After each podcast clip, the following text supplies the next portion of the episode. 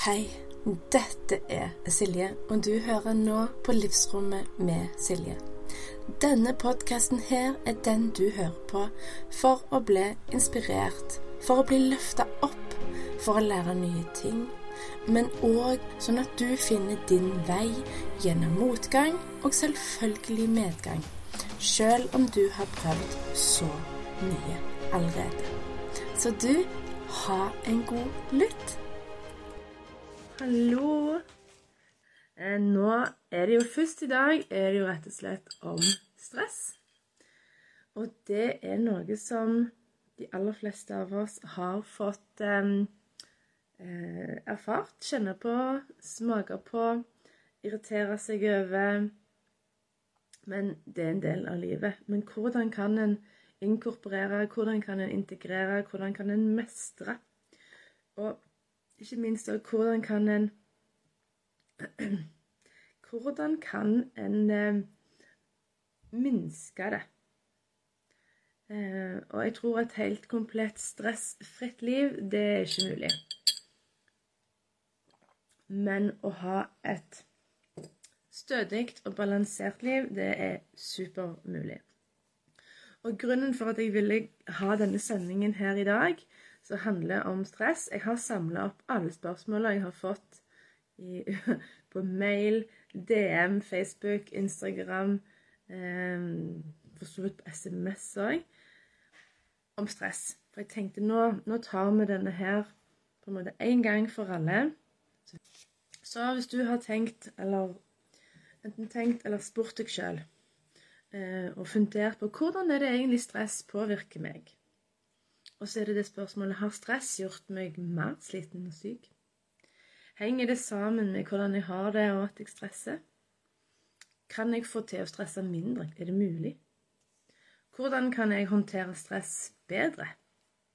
Og hvordan fungerer egentlig nervesystemet? For det har vi jo alle sammen. Så vi kan jo begynne med hvordan stress påvirker.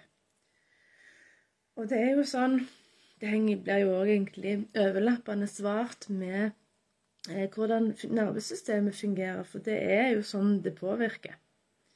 Én eh, ting er at når du da opplever stress på kroppen, du har gjerne klamme hender, høy puls, eh, vanskelig å se langt fram i tid, du har gjerne du føler omtrent at det koker, du har høyt blodtrykk, kroppen din er ganske i harnisk.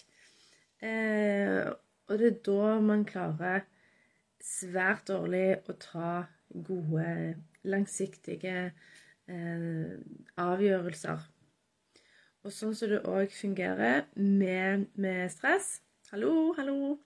Eh, så er det jo det at når du er stressa, når du er i den, den delen av kroppen hvor du klarer ikke å tenke langsiktig, du er her og nå, du, du, på en måte mentalt leter deg fram til den kjappeste, enkleste løsningen, som vil da være løsningen på problemet som du står over, enten det er tidskabal, middagslaging, hente, logistikk, altså hele den greia, så er du jo her oppe i hodet.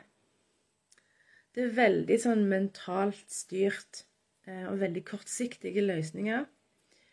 Men det du da går glipp av, når du er i det, den delen av deg, det er jo det at du går glipp av kommunikasjonen eller dialogen fra kroppen, som er fra halsen og ned. Så det Det er mange ting det går an å gjøre for å regulere, og det kommer jeg tilbake igjen til. Men det som stress på en måte du kan si at det gjør, er at det gjør at um, eh, kommunikasjonen fra kroppen din blir mer enspora. Eh, det blir svart-hvitt kontra eh, full fargeskala. Du mister en dimensjon, og du mister Og så helt klart så er det jo fantastisk å ha en hjerne og kunne tenke ut løsninger og, og fundere på livets mysterier og sånt, men å overlate avgjørelser kun til hodet, det syns jeg er helt feil. For eh, kroppen har en helt annen, mye dypere intelligens. Eh, og sånn rent fysiologisk så har vi jo et, et system som heter sentrale nervesystemet, som er hele sulamitten. i én paraply. Den er delt i to. Den ene heter jo parasympatiske nervesystem. Og så er det det sympatiske nervesystemet. Det er ganske like ord. Men hvis du tenker P i para, den står for peace. Altså fred, chill, lygn, eh, rest and digest og bare liksom Ja.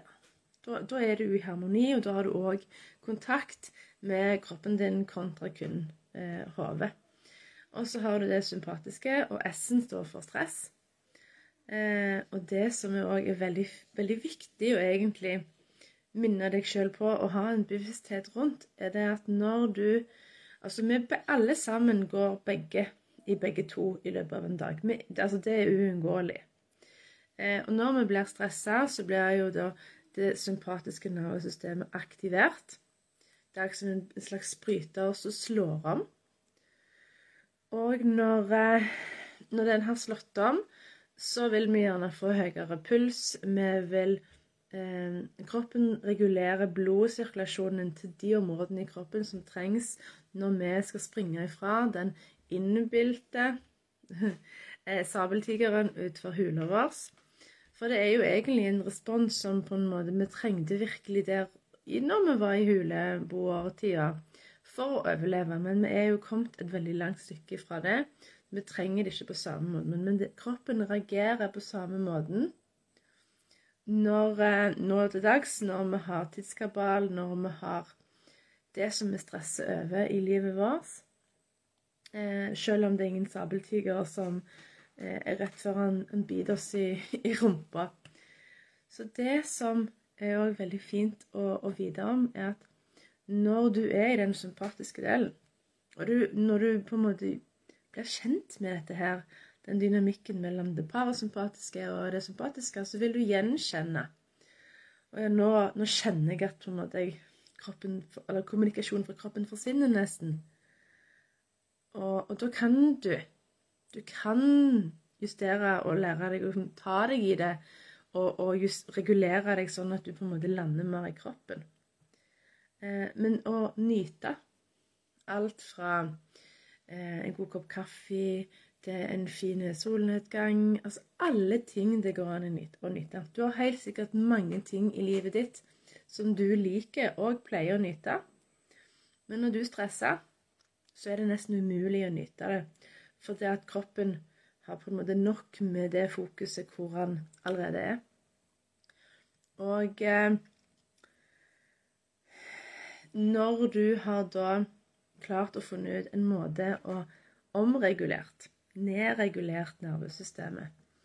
Og det gjør man på forskjellige måter. Det er jeg tenker det er definitivt fellestrekk med hvordan man gjør det. Eller hvordan kan gjøre det. Men det er òg omtrent like mange måter å gjøre det på som det er iallfall land i, i, verden.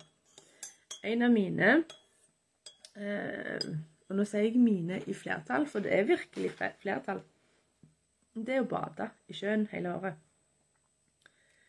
Det er bare noe helt fantastisk rensende, og jeg kjenner at på en måte kroppen bare lander og jorder seg. Og, og det med jording, det med frie elektroner, at vi istedenfor går og samler opp det, så lader vi de ut ned i jorda, sånn at vi på en måte Vi kan nesten kjenne at det er når de frie elektronene faktisk får en vei ut fra kroppen og ned ja, i jorda.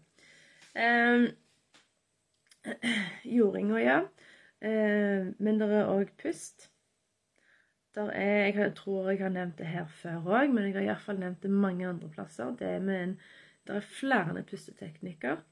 Og det er fordelaktig at eh, pusteteknikken har dobbelt så lang utpust som man har innpust. For da aktiveres vagusnerver eh, på en utrolig god måte. Og vagusnerver er kommunikasjonskanalen fra hjernen din langs ryggrad og som er innom alle organer, og som på en måte stopper i, i magen. Og det er en motorvei av kommunikasjon begge veier. Og når du puster, f.eks. 4-7-8-teknikken, superenkel Innpust på 4, hold på 7, utpust på 8 så aktiverer du vagusnerven, vagusnerver, og da kobler den om fra det sympatiske nervesystemet til det parasympatiske. Så bare ha sånne små triks, og egentlig teste de litt i forkant før du faktisk trenger de. F.eks. en tidligere coachingkunde av meg. Han eh, var student og skulle ha sånn eh, framføring, sånn slags foredrag i auditoriet. Altså alle skulle ha. Han var pissnervøs. Eh, så hadde jeg lært han denne teknikken da, noen timer før. Og så han brukte den idet han gikk ned trappetrinnene ned mot scenen nederst i auditoriet. Og det gikk superbra. Det er så kult at den kraften med å på en måte bruke pust, bruke litt sånn ytre elementer og naturen til å nedregulere nervesystemet, sånn at du er mer i Eh, det parasympatiske nervesystemet. og Da er det òg mye lettere for kroppen å være i homostase. Og hvis det er et nytt ord for deg, så kan jeg fortelle at det betyr balanse. Kroppen din ønsker å være i balanse. I celler, i cellefornyelse, i, i all slags. Um, og neste spørsmål Nå har jeg egentlig svart på to. Hvordan påvirker stress meg? Hvordan fungerer egentlig mitt nervesystem? Uh, og så neste spørsmål Har stress gjort meg mer sliten og syk? Og da kan jeg på en måte Ut ifra at jeg, jeg vet jo ikke sånn supermye detaljer om deg som har spurt det spørsmålet, men i store trekk ja. Eh, stress det påvirker hele kroppen. Kroppen kan ikke deles opp etter sånn som avdelingene på sykehuset er. Altså, jeg har delt på Instagram nylig. Eh, det, det, det, er ikke sånn det er. Kroppen henger mye mer eh, tett sammen enn som så. Og stress, det påvirker alt. Det påvirker bl.a. cellefornyelse, hvordan tarmen fungerer. Eh, og det som man òg har i tarmen, som man egentlig ikke snakker så mye om, det er det at der er Altså, grunnen for at maten eh, starter i én del og kommer ut i den andre, er at det er bevegelse i tarmen. Det er muskler i, i, tarmen som sørger for eh, at, det, at, det, blir ført videre, at det ikke står, står stille. Eh, og det òg har de forska på og funnet ut at henger sammen med, med, med stress.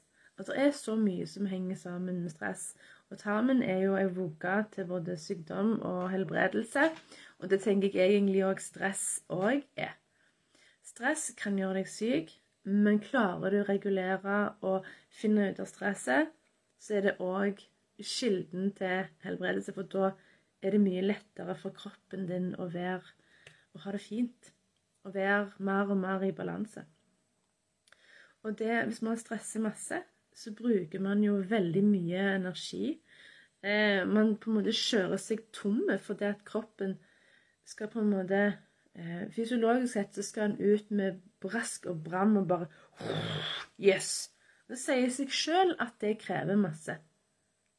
Så bare det der og det vi snakker med sliten og syk Hvis man da starter med, med livsstil som jeg tenker går både på litt sliten og syk, men å starte med livsstil, merke bedring der og har da mulighet men òg vil merke at helsa blir bedre, så er det en sånn oppadgående spiral. Og det å tillate seg det der med at det tar tid Ting tar tid, og helsa tar tid. Helsa, det er ferskvare. Eh, bare si, Hvis du som ser på, eller dere som ser i opptak, har spørsmål, skriv, så svarer jeg så fort jeg har mulighet. Så bare drikke litt. mens han er varm.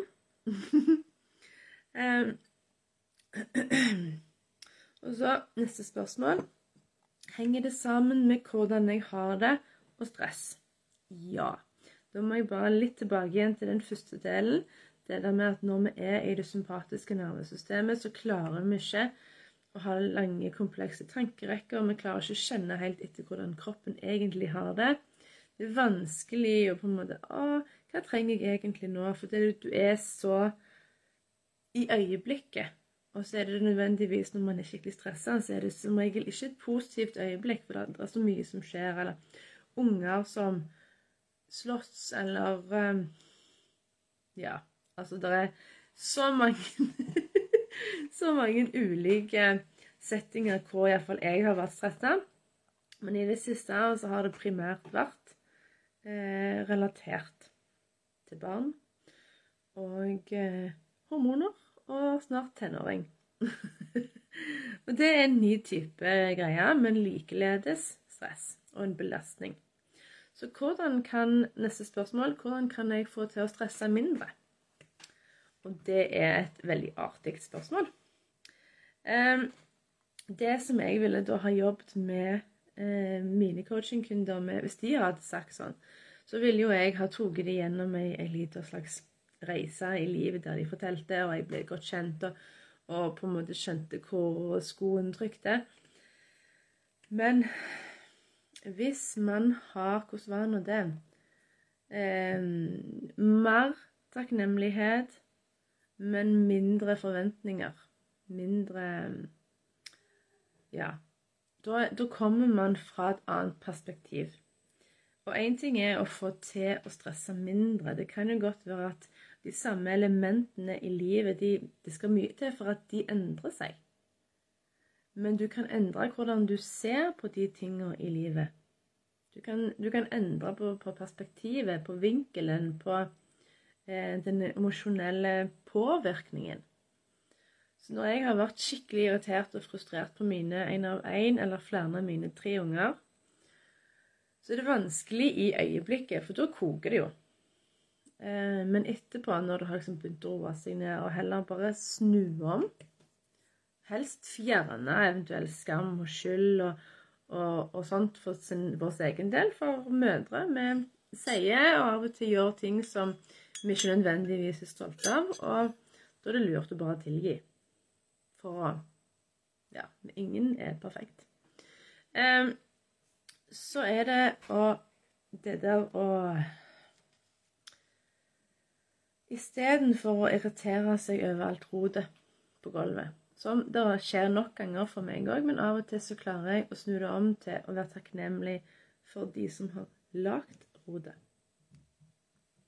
Og klarer du å ta en flik av den frustrasjonen eller irritasjonen eller sinnet og snu om til mye mer positiv eh, vinkler, så blir det mindre stressende for kroppen.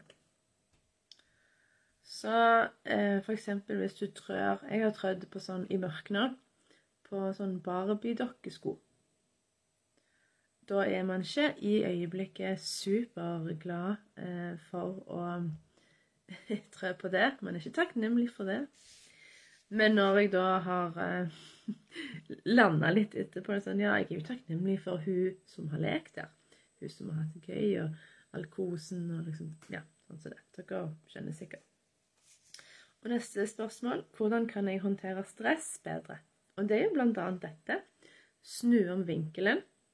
Men det som òg jeg liker veldig godt, er å ta et lite sånn eh, Ikke vårengjøring, men mer sånn eh, årsregnskap. Eh, for vi har jo Vi har masse Vi har egentlig en, en full pott med energi. Men hvis vi tar den energien i ei sil, sånn som du spyler f.eks. jordbær og sånt i, så vil jo den renne ut og renne ned. Men hva om du tenker at du vil tette noen av de flest mulig av de hullene i den sila?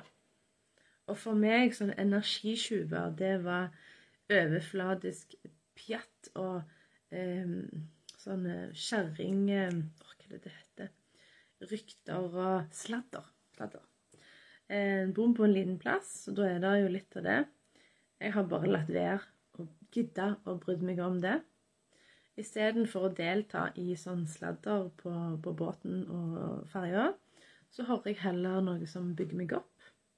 Enten jeg ringer noen, eller jeg hører på en podkast. Bare den der bevisstheten med at hva, hva det gjør eh, med den energien jeg har i forhold til stress, og hva som bygger meg opp, og hva som tapper. Så det å bli bevisst sine energiskjuer, det vil òg gi, gi, deg en mulighet til å håndtere stress bedre. Um, så nå har jeg faktisk svart på alle de som jeg eh, hadde tenkt.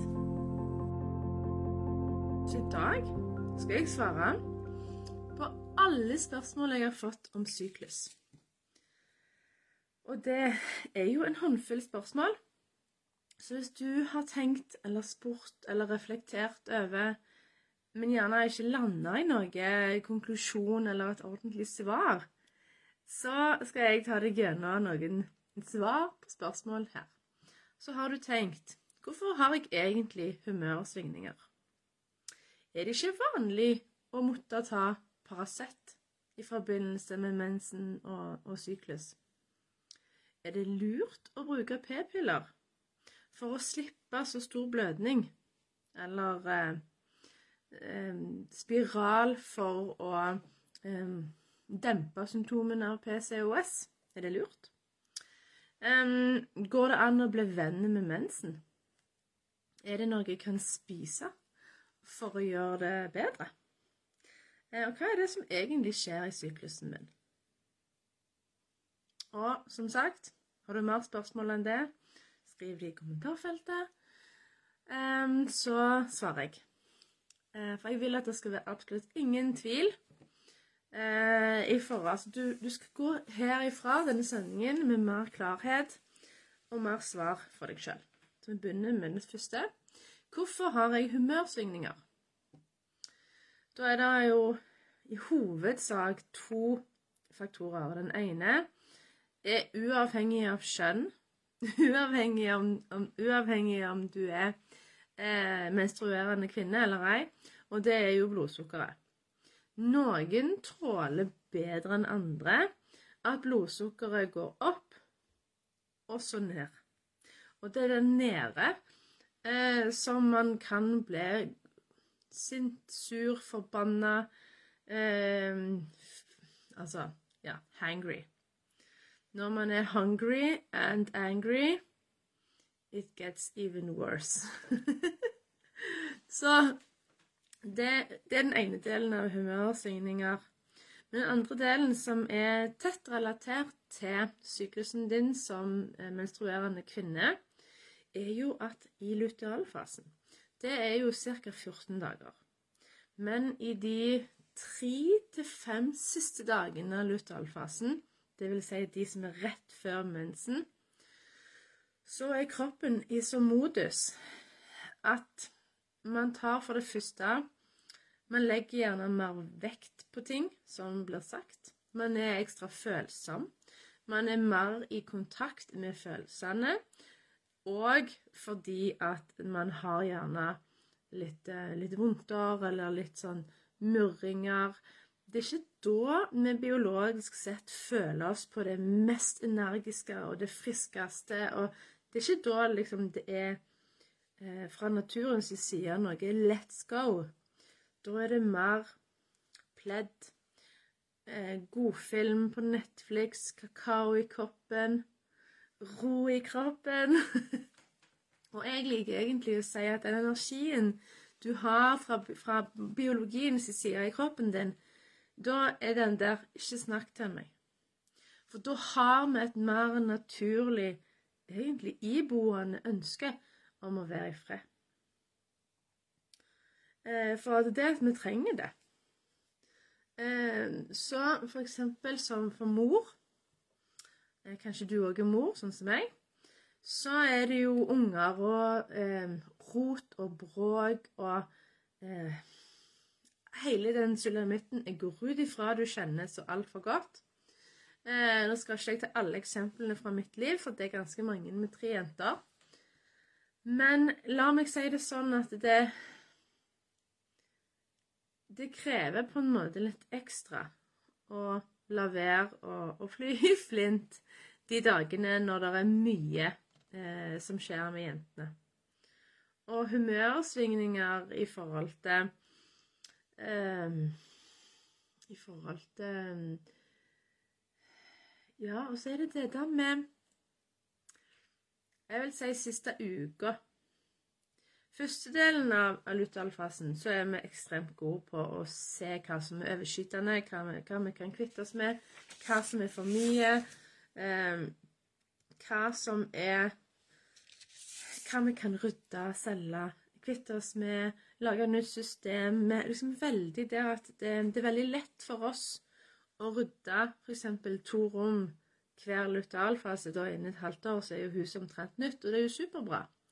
Mens siste halvdel av, av lutealfasen så går vi liksom enda eh, Enda mer i den energien, bare ekstra Da blir vi gjerne irriterte over rot.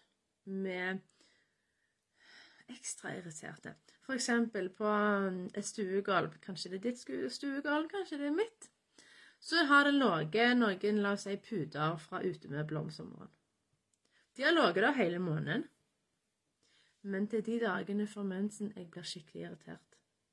For da føles det som om de er i veien. Og jeg tenker i den konteksten her, så vil jeg si at det er mer mulighet for humørsvingninger, fordi at da ser vi da er det ikke hormoner som glatter over, som gjør at det blir mer smidig. Da ser vi det sånn som det er, og da er det òg lettere å bli litt misfornøyd og uttrykke oss om det.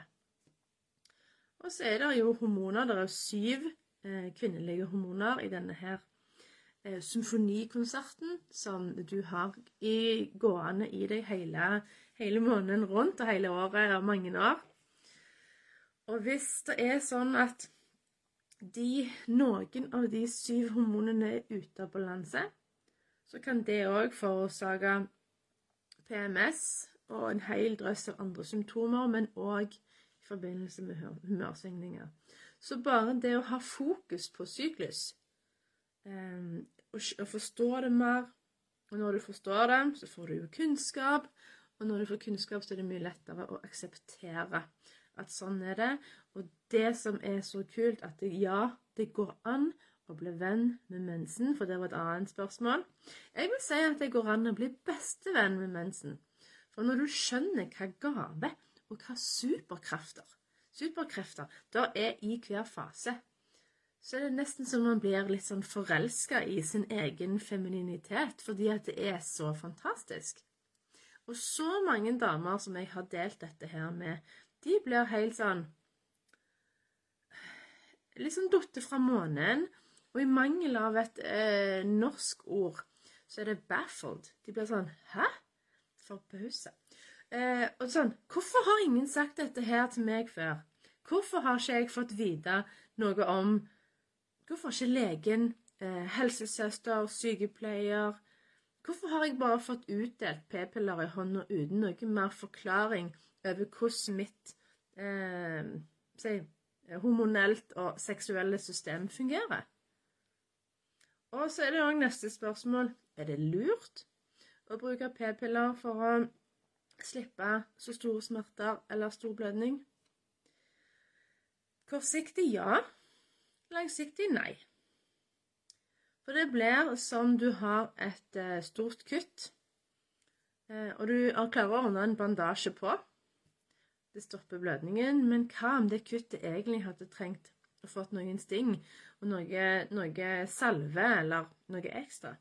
Vi må faktisk inn til rotårsaken for å stabilisere, normalisere og balansere. Det, det, jeg vil si at det er som å pisse deg sjøl på leggen. Du blir varme, men så blir du jæklig kald etterpå. Og så det, lukter det ikke nødvendigvis godt. Altså, det er ikke bra. Og så er det òg det aspektet med spiral i forhold til PCOS. PCOS er jo en, en sykdom. Eh, polycystisk ovariesyndrom. Eh, som du får syster på eggstokkene. Også hvis de sprekker, så kan de gjøre helt hinsides vondt. Jeg syns å huske i mine ungdomsår eller tenår at det var noe søster og noe greier. Tok noe ultralyd og Ja, det var noe greier der. Eh, men det som erfaringen min tilsier med de som jeg har hjulpet til nå, som har vært i den båten med enten PCOS eller lignende eh, si, eh, kvinnelig kjønnsorgan-relatert eh, eller befruktningsorganrelatert sykdom, at det er det da det tar tid å stabilisere, eh, men det, men det går bedre og bedre for hver måned. Tålmodighet er jo et stort aspekt og et viktig punkt som er viktig egentlig så masse. Både når jeg fikk leddgikt og, og starta denne syklusorienterte reise, så var det veldig viktig med den tålmodigheten. Eh, så for å oppsummere p-pille-spiralspørsmålet Det er jo lurt for å maskere symptomet. Kortsiktig, men langsiktig er det ikke lurt. Um, og så er det noe jeg kan gjøre for å Er det noe jeg kan spise for å gjøre mensen og syklus bedre? I'm so glad you asked. ja, det er jo det. Det er jo det som er en stor del av greia. At det er eh, spesielle matvarer og ingredienser som er ekstra lure på de forskjellige fasene i syklusen. Så det første du bør gjøre, hvis ikke du har gjort det allerede, er å finne en måte å trekke syklusen din på, og da er det letteste jo en app på mobilen. De to viktige dagene i løpet av syklusen er jo rett og slett når dag én er mens, og dagen du får eggløsning. Og det er vanligvis dag 13-14. Så da når du har de datoene, og du, har, du ser at syklusen din er stabile, eller varierer rundt 26-27-28 dager, så er det super, supernormalt og helt fint. Og en viss variasjon på lengde er faktisk vanlig. Eh, min har variert mellom 27 og 28.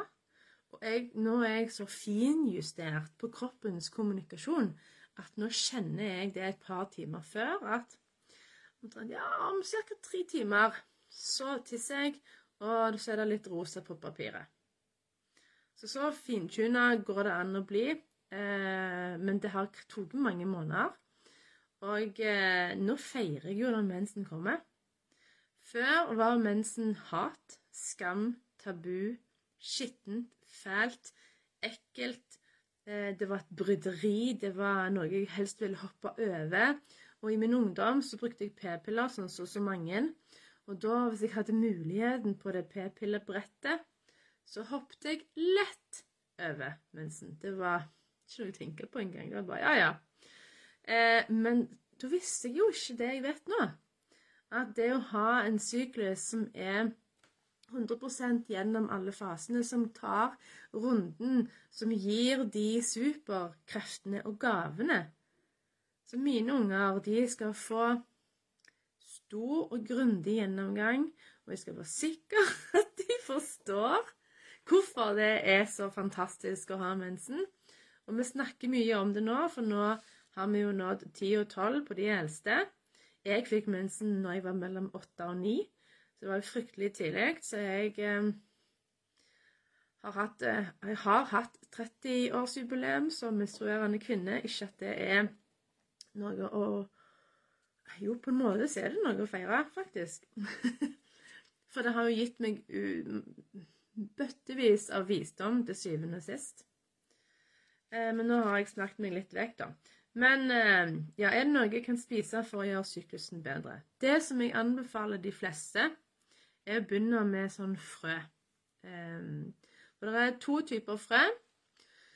Bare si riktig. Jo, i lutealfasen, dvs. Si fra etter eggløsning fram til mens, så er det én spiseskje eh, sesam og én spiseskje solsikke i løpet av en dag, altså hver dag. Og da har du jo halve måneden hvor du spiser de to frøene. Men så fra dag én imens og fram til og med eggløsning så spiser du én spiseskje linfrø og én spiseskje gresskarkjerner. Bare begynne med det, og la på en måte kroppen teste det noen én til to måneder, bare for å se hvordan kjennes det ut. Du kan putte det på smoothie, du kan putte det på yoghurt, du kan putte det på suppe til middag om du har det. Du kan putte det, Jeg putter det på grøt som topping. Litt sånn crunch og tyggemotstand er jo alltid digg. Um, og neste spørsmål Hva skjer egentlig i syklusen? Det var jeg jeg litt innom tidligere. Det er jo disse syv hormonene. Eh, og de henger sammen som et, et En analogi er jo et spindelvev. Altså, det er jo mange ing, altså, det er som regel flere tråder inn, men alt havner på en måte i midten. og Sånn er det litt med de òg. At hvis det er én som ikke funker, så vil spindelvevet rakne. Eller denne favorittanalogien symfoniorkester, som spiller konsert. Og det er syv instrumenter, og det er en veldig liten symfonikonsert. så eh, hvis en av de spiller surt eller havner eh, for langt ned i tone, eller ja, Jeg er ikke musiker, men du skjønner analogien. Det er finstemt, det er samstemt. Og hvis en av de ikke er i balanse eller samstemt, så går det fort utover mer. Så det som alle, Alt dette her bare veldig mye mer detaljert. Eh, får jo du svar på å lære hvordan og hvorfor inne i stress og syklus. Og i over i morgen så er jo eh, påmeldingsfristen utløpt. Eller til og med i morgen. Nei, til og med over i morgen blir det. Så kan du melde deg på. Og grunnen for at av i havet av så mange online-kurs der ute som det er i dag, som jeg ser på min Insta og min Facebook, så vil jeg si at dette her er det mest helhetlige for damer, og spesielt mødre. Fordi at det tar både stressdelen, det tar òg syklusdelen, og det, men det tar så mye mer. Og det som har vært så kult, er at jeg trodde jo at jeg lagde et kurs som skulle hjelpe dem med symptomer på mensen, eh, altså vondter, eh, smerter, oppblåsthet, eh, hormonell migrene, som jeg sjøl hadde. Og jeg tenkte åh, det må jo være superbra hvis jeg kan hjelpe noen til å slippe det. Men det som, som deltakerne runde én forteller at de liker best, det er ikke de fysiske symptomene som blir mindre og lettere. Det er alt det andre. Det har vært som en eh, permission slip, eller en, en tillatelseslapp, til å ta bedre vare på seg sjøl. Mindre dårlig samvittighet, mindre flink pike. De, har, eh, de liker seg sjøl bedre. De spiller jo mer på lag med kroppen, men òg med sjelen. De har blitt kjent med seg sjøl på en helt ny måte. Eh, og det, det, er fantastisk. Men det er faktisk damer som definer, de som var med i runde én, som definerer livet sitt før og etter stress og syklus, som var i vår. For det at de har fått en helt annen flyt i hverdagen.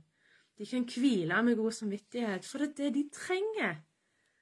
Og det er bare verdens, verdens beste jobb, altså. Det må jeg si. Så derfor vil jeg at de som sitter på gjerdet, at de slutter å tvile.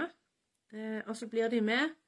Og så vil de da til jul og advent vil de òg kanskje definere livet sitt før og etter stress og syklus med alt det som jeg skal lære videre. Og det er virkelig, det er virkelig på tide at denne visdommen og kunnskapen kommer ut til et større publikum, og flere damer og gjør Snur opp ned på hverdagen på en utrolig god måte. For man, man trenger ikke ha dårlig samvittighet for det som veldig mange damer og mødre går rundt med dårlig samvittighet for. Hva gagner det? Jo, det gagner i retning av dårligere helse dårligere selvbilde, dårligere selvverdi, lavere energi, mindre overskudd, mindre sexlyst, mindre eh, gnist, mindre tiltaksenergi eh, Jo da, det går utover hele, hele livet. Og det er derfor òg jeg jobber med stress og syklus og dette kurset fra et ekstremt helhetlig perspektiv. Hvor alt blir tatt med, og det er noen fantastiske bonuser eh, i denne runden her. Jeg skulle til å si i år, men det stemmer ikke. Men denne runden her. Eh, jeg har til og med lagd en fantastisk Nå har jeg sagt det ordet for mange ganger, men OK. En superbra meditasjon. Vi skal gå eh, i forhold til litt sånn tankesett om deg sjøl, om omverden, perspektiv, intensjon, takknemlighet. Og det kommer til å bli så, så, så jæklig magisk. Selvfølgelig vil jeg ha med deg på laget. Yes. jeg håper du blir med. Det her blir fantastisk. Ja, ah, nå sa jeg det igjen.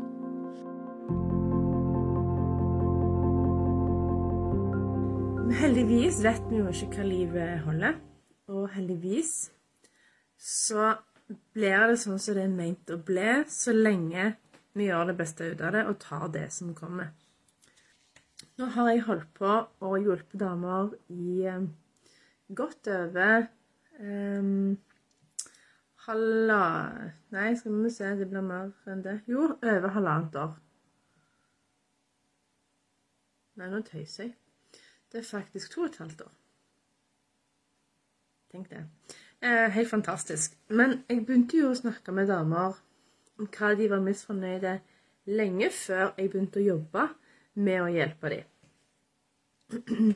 Så jeg har samla opp et knippe spørsmål, som i dag skal jo handle om det der rigide versus det avslappa.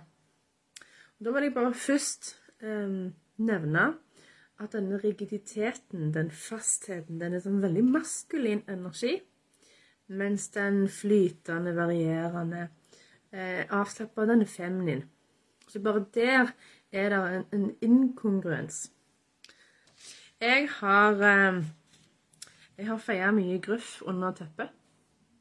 Det er et sånt utsagn som av og til jeg får høre i coachingsamtale.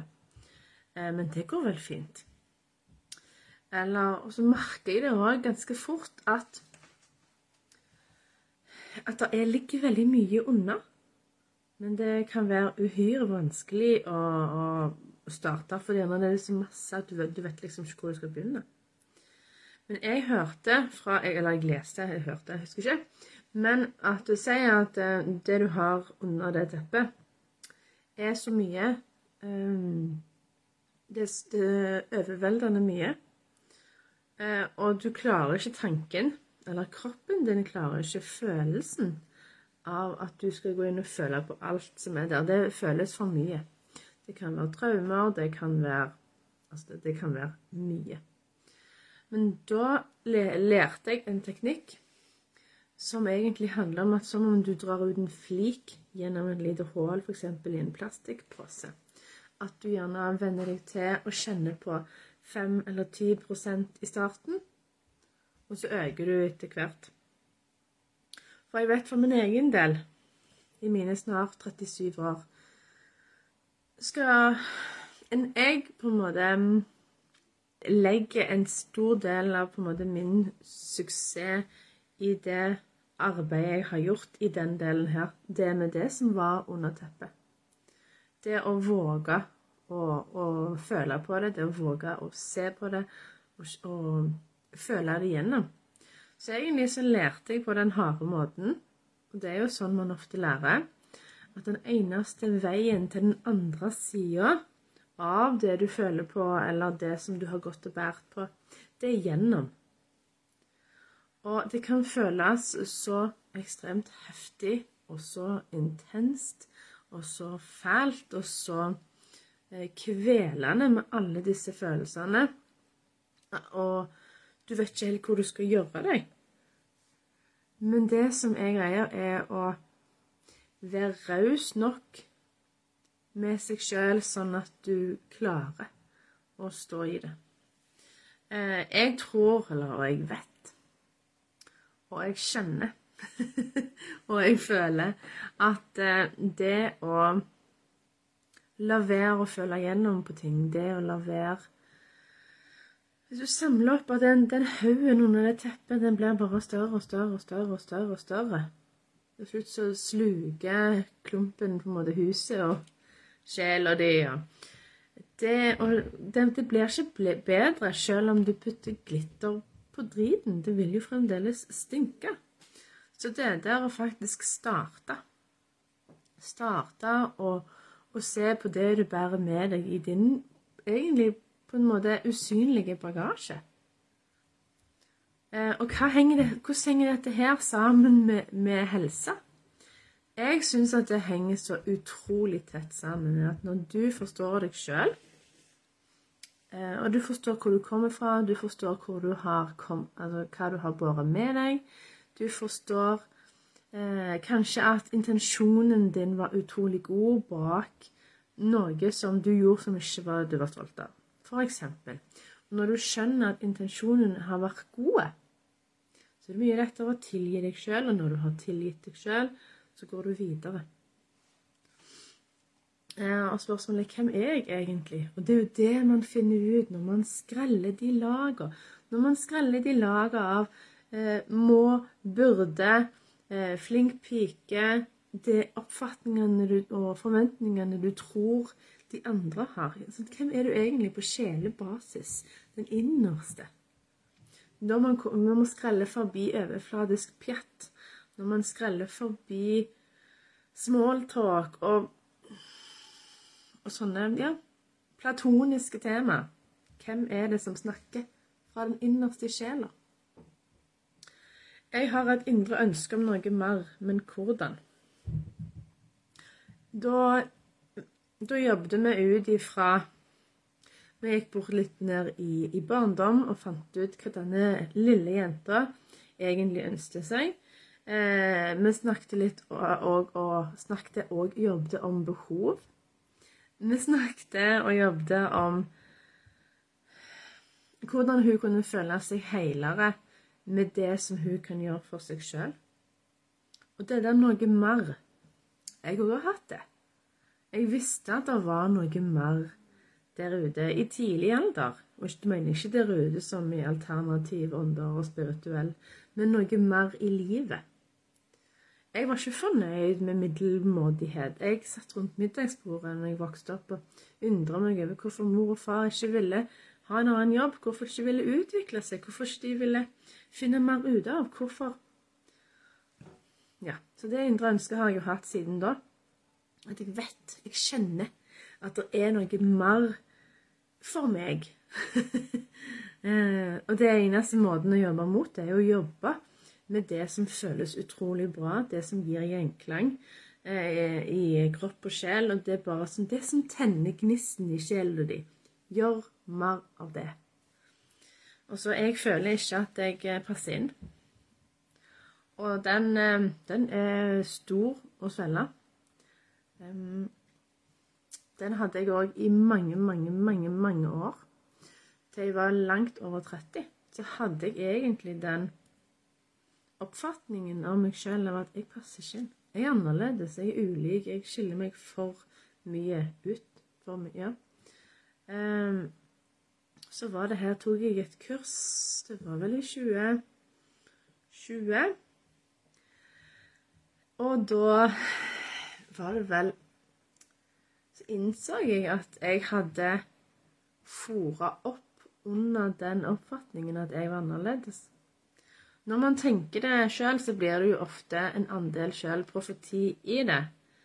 Men det å, å faktisk eh, jeg, frigjorde meg fra den, fra den, den, den, den eh, falske sannheten om at jeg var for annerledes. Fordi jeg innså at alle er jo forskjellige, alle er ulike, alle, alle er annerledes. Og sammen så hører vi alle sammen sammen. Ja. Um, og så neste spørsmål Kanskje jeg skulle ha blitt bedre kjent med meg sjøl? Og det vil jeg si er noe av det lureste du kan gjøre. Det er virkelig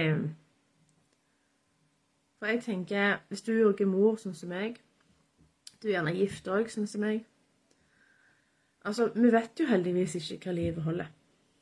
Men eh, sannsynligvis så flytter ungene ut en gang. Eh, og hvis ekteskapet tas vare på, så er det jo to stykk i den heimen etterpå.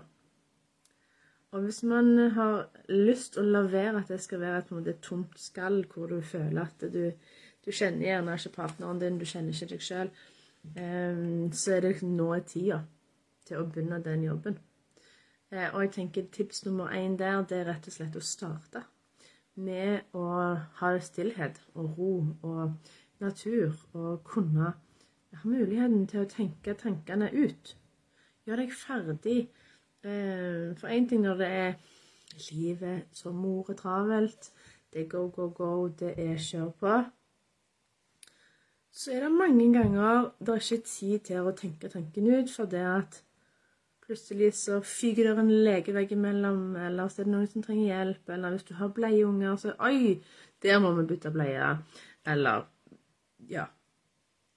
Så det å bli bedre kjent med deg sjøl, det gir deg jo en mye større stødighet og fundament både i din egen reise i deg, men òg i, for, i forbindelse med helse. For jeg har dratt det så langt at i forhold til flink pike at dess mer flink pike du er, dess dårligere helse har du. For det handler rett og slett om eh, rekka av prioritering.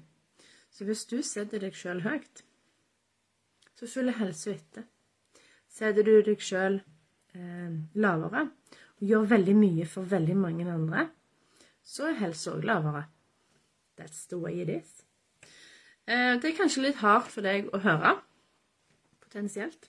Men det er nå sånn det er. Syns jeg iallfall. Um, og så denne her òg var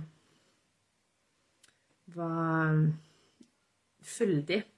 Kanskje det ikke er så lurt å fylle livet med distraksjoner, sånn at jeg ikke har tid til å føle på følelsene. Det er jo nettopp det med roen, stillheten, tida Det Når man har blitt mor, så syns jeg at det å være sjøloppofrende, det å tenke at så lenge ungene har det fint, så har jeg det fint, det er helt feil. Jeg vil heller snu det helt på hodet og si at så lenge du som mor har det fint, så har du et ekstremt godt grunnlag for at barna dine, eller barnet ditt, har det fint. For du er jo da forbilde for dine unger. Eh, så du viser jo i praksis hvordan det er å ta vare på seg sjøl. For hvis du um, Du tar vare på deg nå, sånn at ungene dine har sett hvordan det ser ut å ta vare på seg sjøl i praksis. Og da er du med å forme hvordan de vil ta vare på seg når de blir voksne. Og den den er, den er juicy, syns jeg iallfall. Denne her rigiditeten og, fly, og um, versus flytende. Eh, så er det jo det jeg sa innledningsvis òg, med maskulin og feminin energi, at det er veldig det er veldig øh, ulikt. Men vi har begge deler, og vi trenger begge deler.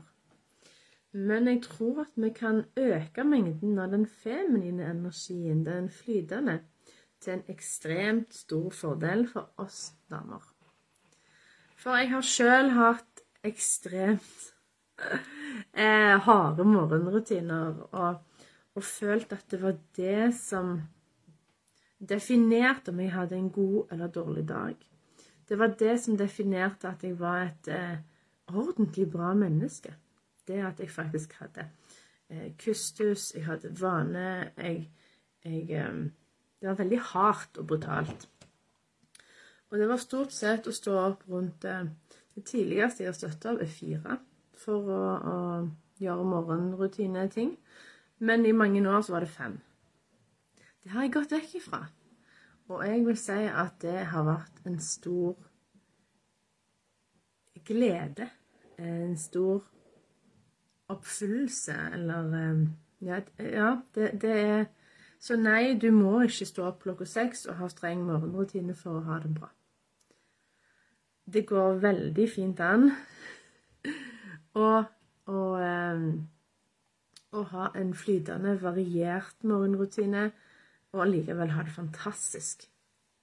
Og det som òg er veldig kult i forhold til med morgenrutiner og ritualer, det er det i òg syklus, er det at du kan variere det i forhold til hvor du er i syklus. Og hvor du er i syklus, det vil jo òg være med å på en måte fortelle hvordan energien din er. Så rundt eggløsning, når du har veldig mye energi altså, mm, disponibelt, Eh, og du er kommunikative, du er liksom påskrudd, du er sosiale. Sånn. Det er da du gjerne kan ha mer maskulin orientert morgenrutine, da du kan ha mer trening, mer, eh, mer go, go, go, mens i lutealfasen etterpå eggløsning, eh, iallfall når det nærmer seg eh, mensen, så ville jeg tok gjerne litt tøy og bøy på yogamatta, meditasjon, kanskje en tidlig morgentur for å jorde deg i naturen for jobb, hvis det er mulighet for det. Og hvis vi legger den verdien i at jeg gjør den morgenrutinen, derfor er jeg fill in the blanks, så er det helt feil. For det er jo ikke det som definerer deg som menneske. Det er jo det du har inni deg. Det er jo hvordan du er mot andre. Det er hvordan du er mot deg sjøl. Det er så mye flere parameter. Um, ja, og neste Så lenge jeg får gjort X eller Y, så er jeg klar. Den hadde jeg mange år. Men den har jeg ikke nå lenger, og det er utrolig befriende. Selv om jeg må si at jeg syns det er veldig deilig å starte dagen med en meditasjon. Men noen ganger i det siste så har den, den morgenmeditasjonen den har kommet så seint som klokka to og tre på dagen, for det er da jeg, jeg kjente at jeg trengte det. Så det, det er å sjekke inn og se an på en måte behovene. Hva er det jeg egentlig trenger nå? Trenger jeg å gå en tur? Trenger jeg å meditere? Trenger jeg å bade? Trenger jeg å skrive i boka mi? Trenger jeg å eh, slappe av? Eh, se på månen? Altså, det er så mange forskjellige ting det går an å eh, få beskjed om fra kroppen at du trenger. Og så er det den der Blir morgenen ødelagt, så blir resten av dagen ødelagt. Det er jo helt bull. Altså, jeg er enig i at en, en kjip morgen kan virkelig sette en stor demper på dagen. Men det er jo ikke sånn at fordi A ble ødelagt, er lik at B resten av dagen er ødelagt. Det er jo ikke det. Um, det er noe som heter causation versus correlation. At det forskjell på årsak og sammenheng. Så selv om det ofte at blir fylt, altså en dårlig morgen blir fylt av en dårlig dag fordi du lar det. Fordi det er lettere. Men det kan òg være likeledes at du starter dagen med en dårlig morgen, og så plukker det seg opp. Og så avslutter du dagen bare sånn Jøss, yes, wow, ja. Det gikk jo fint, eller det var jo bra. Og så er det den der copycat-punktet. Jeg føler at morgenrutinene til hun eller han, som vi ofte ser på Instagram at jeg står opp, så, står opp da, jeg gjør sånn, jeg gjør sånn, og sånn, og jeg er så fantastisk, se på meg, bla, bla, bla, bla, bla, bla. Sånn picture perfect. Og så tror man at det er bra for deg og meg fordi at noen andre har hatt suksess med det. Men da glemmer vi den aller viktigste punktet. Og det er jo det at vi er forskjellige, vi er ulike, vi kommer fra forskjellig. Vi har ulikt biologisk utgangspunkt. Vi Det kan ikke sammenlignes. Så det òg å sammenligne seg sjøl med noen på Instagram som har gjerne hatt helt andre omstendigheter og muligheter til å få til noe som du egentlig har lyst på, men som gjerne ikke er superrealistisk for deg. Og så når du da gjerne ikke får det til, så rakker du deg sjøl ned med dårlig samvittighet og skam og skyld for det at 'hun fikk det jo til', da må jeg òg få det til. Så selv om andre får ting til, så kan vi bruke det som inspirasjon, at hva som er mulig. Men jeg vil ikke at du skal henge deg opp i at du skal få det til fordi hun har fått det til. For det kan være at det er så mange variabler eller parametere som er helt ulike, og da går det gjerne ikke. Den siste, og den djupeste, er Jeg lurer på hvordan livet ville ha vært om jeg stolte på meg sjøl. Åh, altså, du som sendte meg det. Ja, det én ting er å lure på det, men en annen ting er å jobbe for det. Det å gå skritt for skritt, steg for steg, mot en tilværelse, mot et liv som du stoler på deg sjøl, som du på en måte anerkjenner dialogen fra både kroppen og hjertet eh, over dialogen og kommunikasjonen fra hjernen. Det er det som er å virkelig stole. Og det som òg jeg må bare si, at det som er så fantastisk, som jeg òg sa i går, med, med, stress og syklus I morgen går fristen ut for å melde seg på. Og nå er snart tida ute eh, for å melde seg på i år. Det er plass til i hvert fall fem til. Eh, og du velger jo sjøl hvilken eh, nedbetaling, hvilken type, om du vil ha VIP eller ikke. Min misjon bak dette kurset er egentlig å equip. Det blir å gi verktøy eller å lære opp så mange som mulig damer til å ha ja, men det, de verktøyene som de trenger til å ha det livet som de ønsker. Og det som har vært veldig kult, er at flere av de som var med i runde én, de tenkte at jeg har egentlig ikke tid. Hvordan skal jeg få tid til dette? I morgen er fristen. I morgen, når du legger deg på kvelden. Så hvis du har lyst til å være med på høstens mest helhetlige kurs, så vet du hva du må gjøre. Ha det!